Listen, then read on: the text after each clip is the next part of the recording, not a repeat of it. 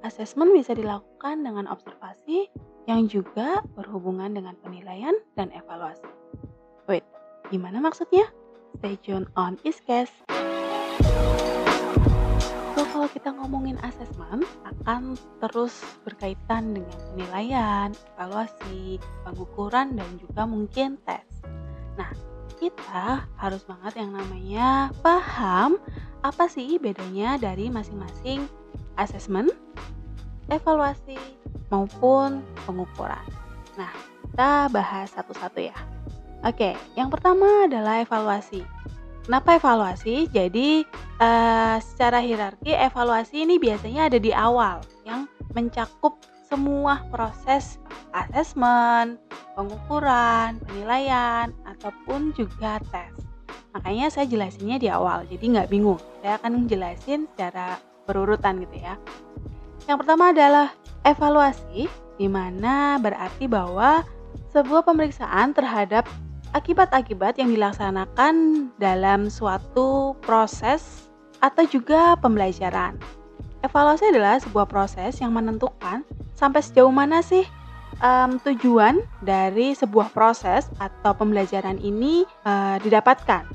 Jadi hal-hal apa yang kurang tepat, uh, hal apa yang perlu dibus lagi, atau hal apa yang perlu diganti. Jadi ini akhirnya akan membuat sebuah proses atau pembelajaran ini lebih baik. Nah, di bawahnya akan ada yang namanya asesmen. Nah, asesmen sendiri adalah proses pengumpulan informasi. Jadi jelas di sini proses ya. Jadi lebih besar cakupannya daripada nanti item eh, item-item di bawahnya.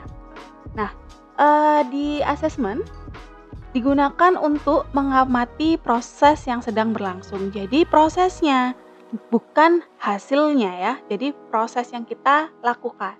Nah, um, kalau kita di mata kuliah ini membahas tentang asesmen perkembangan, maka yang kita lihat adalah asesmen pada proses perkembangan dan bagaimana nanti berefek pada hasil perkembangan anak.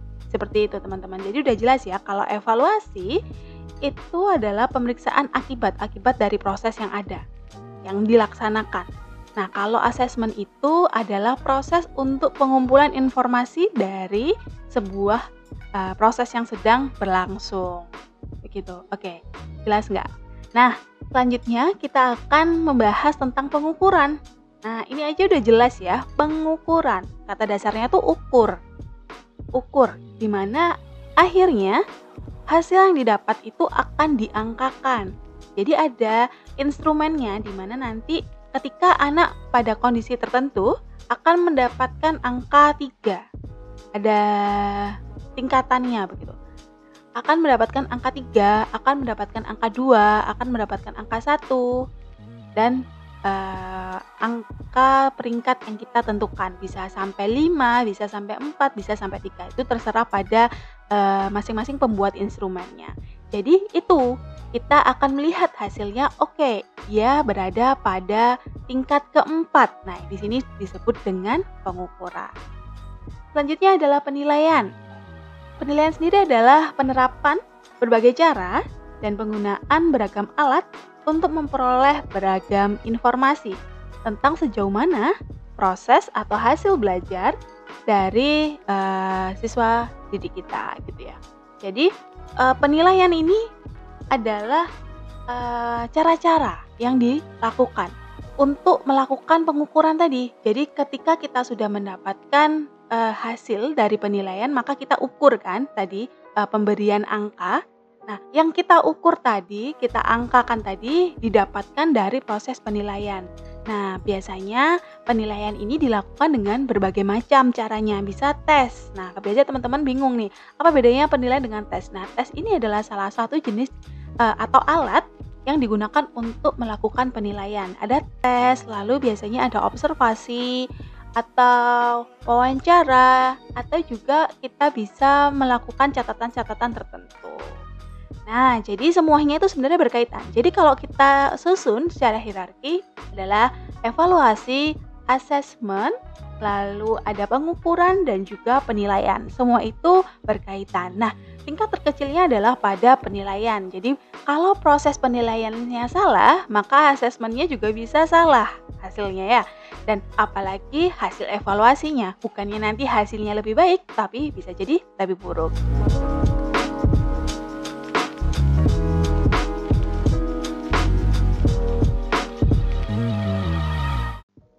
No Child Left Behind sebuah peraturan yang ada di Amerika dari dahulu untuk menyamakan semua kemampuan anak. Penasaran? Keep listening on Iscast. Oke, okay. uh, kita ketahui bahwa di Amerika ini banyak sekali imigran atau uh, pendatang yang akhirnya sebenarnya mereka itu nggak paham-paham banget bahasa Inggris, apalagi untuk anak-anaknya. Jadi masih kecil, diajak pindah ke Amerika, entah itu orang tuanya studi atau bekerja, akhirnya harus bergabung belajar bersama dengan teman-temannya yang memang uh, seorang native speaker. Otomatis kadang-kadang kemampuan mereka berbeda. Nah, akhirnya pemerintah di Amerika membuat sebuah peraturan yang dikenal dengan No Child Left Behind, di mana peraturan ini disahkan pada tahun 2001. Intinya, aturan ini ditujukan agar tidak ada perkembangan anak yang berbeda di Amerika. Semuanya harus rata, uh, di mana pemerintah ini maunya semua anak di Amerika punya kemampuan yang sama, sama baiknya. Tapi ternyata beberapa kendala muncul di tengah-tengah. Tapi sebelum kita bahas tentang kendalanya, kita bahas dulu nih tujuan dari adanya peraturan No Child Left Behind. Oke, yang pertama adalah untuk mengurangi jarak ketidakmampuan atau seorang anak dengan teman-teman sebayanya. Jadi kalau di awal tadi saya sudah bilang bahwa banyak sekali anak-anak imigran atau pendatang yang resmi maupun tidak resmi uh, masuk ke Amerika. Sehingga kadang-kadang kemampuan bahasa Inggris ini menjadi penyebab pertama tidak samanya kemampuan. Jadi ketika kita belajar uh, sama bahasanya dengan guru kita, kita akan lebih mudah memahami. Berbeda dengan uh, teman-teman yang berbeda bahasa. Untuk memahami apa yang dikatakan gurunya aja sulit, apalagi untuk berinteraksi. So, uh, tujuan ini akhirnya dibuat. Oke, kita masuk ke tujuan yang kedua, yaitu memastikan guru pantas untuk mengajar. Jadi ternyata peraturan ini nggak cuma ditujukan kepada anaknya, tapi juga ke gurunya. Menilai apakah semua guru di sekolahnya dari kindergarten hingga pada taraf SMA itu pantas atau sudah layak untuk mengajar di sebuah sekolah? Apakah uh, materi yang diajarkan guru sesuai dengan kemampuan mereka, keahlian mereka, spesifikasi mereka, atau ternyata ada beberapa mata pelajaran yang tidak sesuai? Kemampuan guru dilihat juga dari hasil yang muncul dari perkembangan anak didik mereka.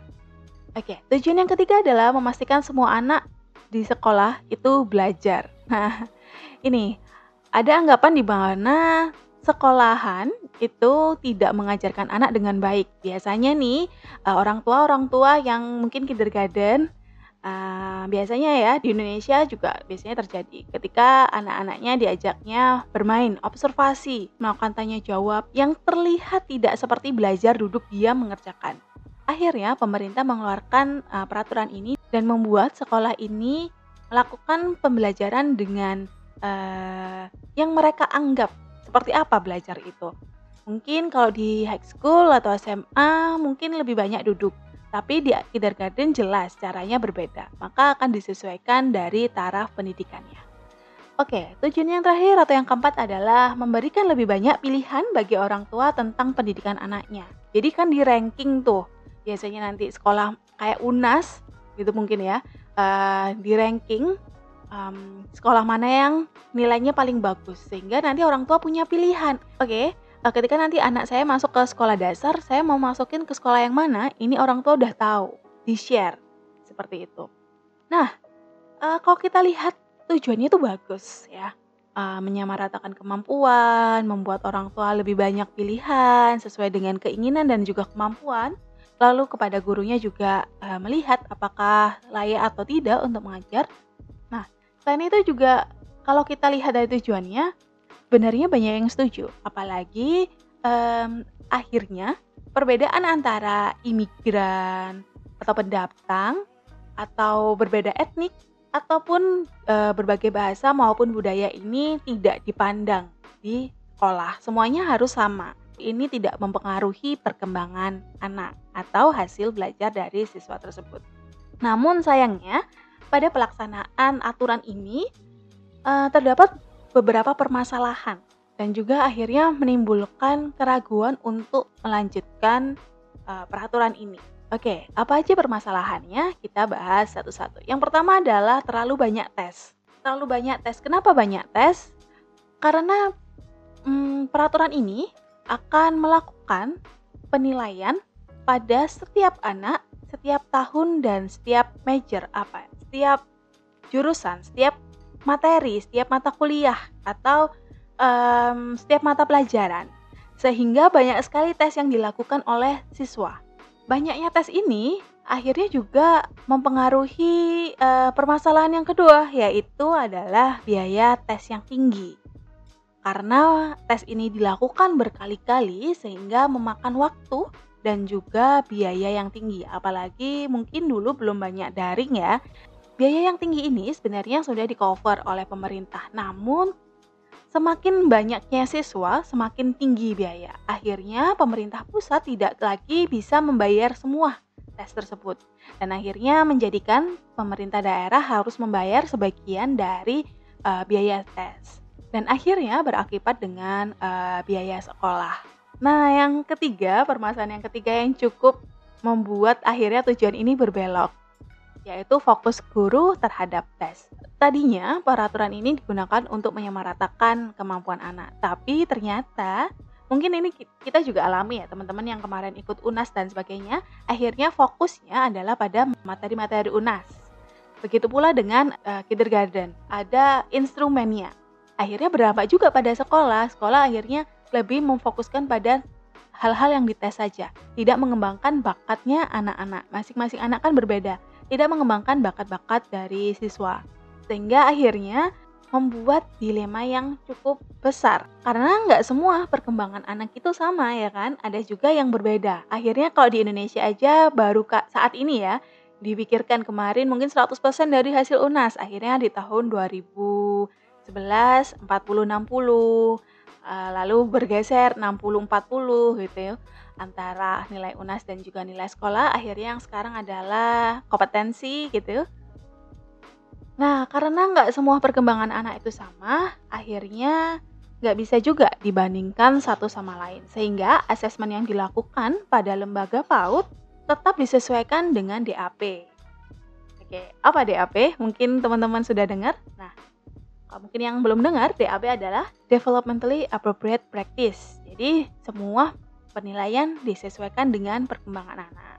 So, menurut kalian gimana? Apakah layak peraturan ini untuk dilanjutkan? Atau menurut kalian ada nih peraturan-peraturan Indonesia yang akhirnya berdampak kurang bagus pada perkembangan anak usia dini di Indonesia? Keep listening on Iscast.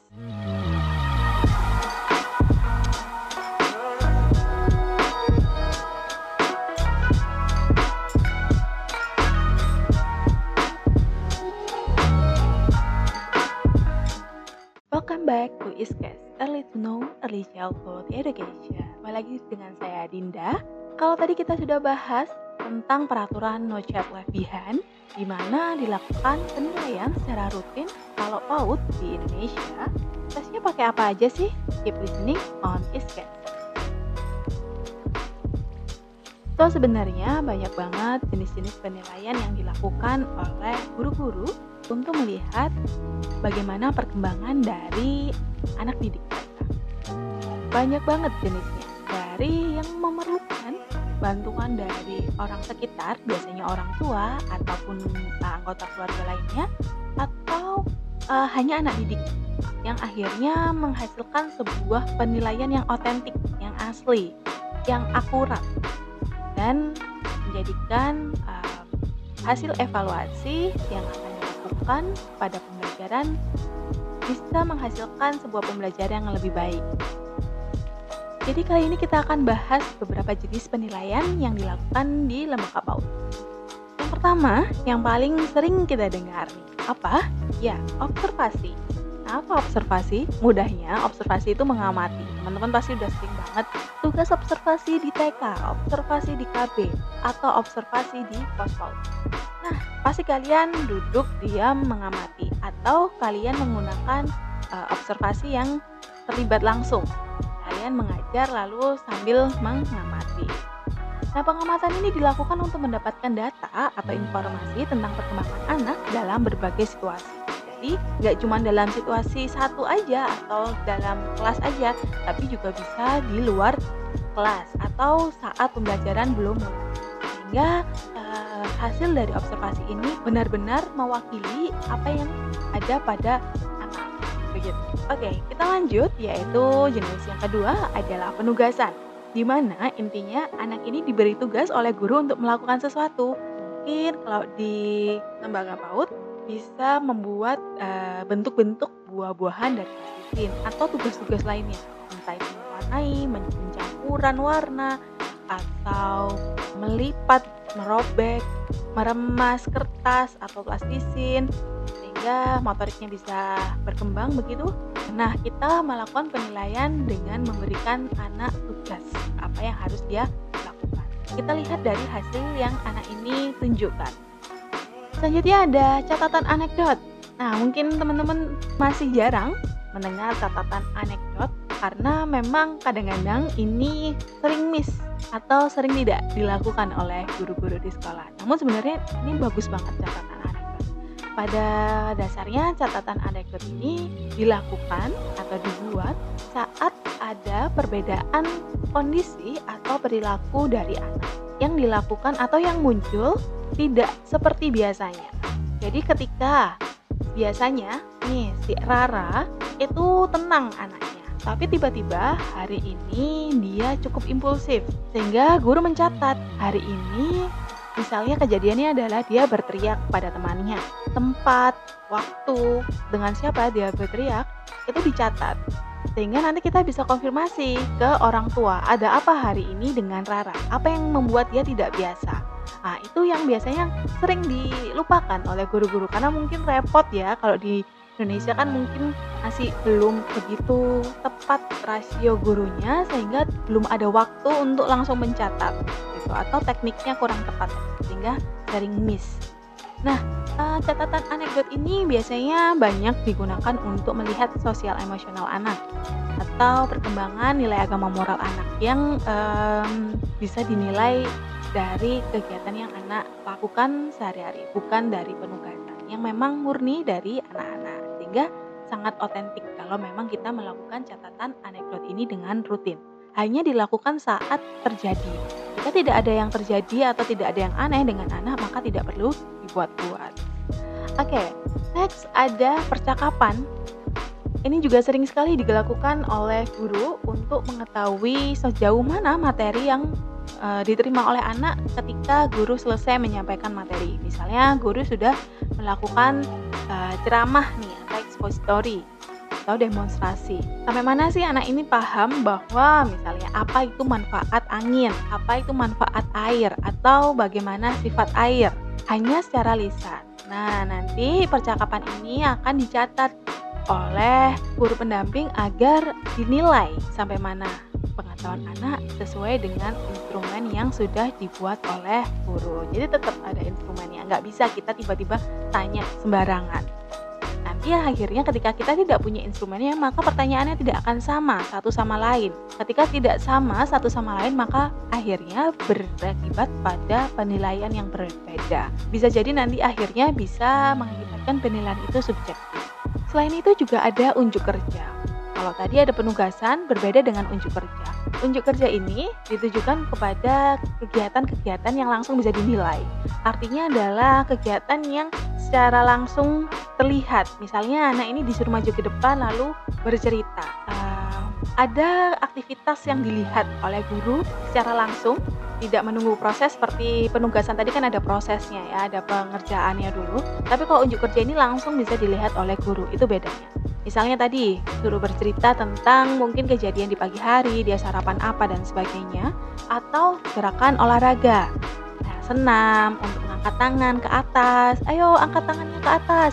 Nah, guru sambil melihat intinya sebenarnya akan berhubungan dengan observasi, yaitu mengamati mana yang sudah bisa uh, mengangkat tangan sesuai dengan contoh yang diberikan oleh guru.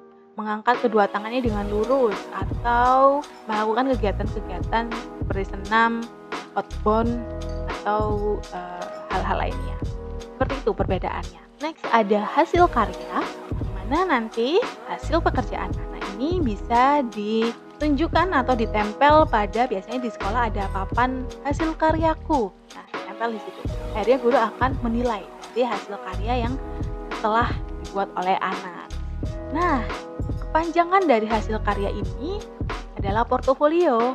Jadi ini termasuk pada teknik uh, penilaian yang lain yaitu portofolio di mana nanti guru menyimpan hasil karya anak dari awal biasanya nanti per tiga bulan dibuka. Apa saja yang sudah dihasilkan oleh anak dalam tiga bulan? Misalnya uh, mewarnainya anak gitu ya. Mungkin satu minggu ada satu kegiatan mewarnai. Bisa bisa jadi satu bulan dilihat oh empat bulan ini eh sorry empat minggu ini uh, dia lebih baik nih atau sama saja. Nah, dari satu bulan itu dilihat lagi ke bulan selanjutnya sehingga terlihat progresnya anak dari uh, bulan pertama masuk hingga bulan ketiga. Apakah ada perbedaan um, atau apakah ada perkembangan kemajuan atau tidak? Atau stagnan? Sehingga nanti akhirnya kita bisa mengevaluasi apakah anak ini tidak suka menggambar atau tekniknya yang salah. Kita sudah menggunakan banyak teknik gitu ya kita menggunakan teknik uh, sisir dan sebagainya tapi ternyata anak ini hasilnya tidak berkembang. Apakah akhirnya kita melihat anak ini apa yang salah?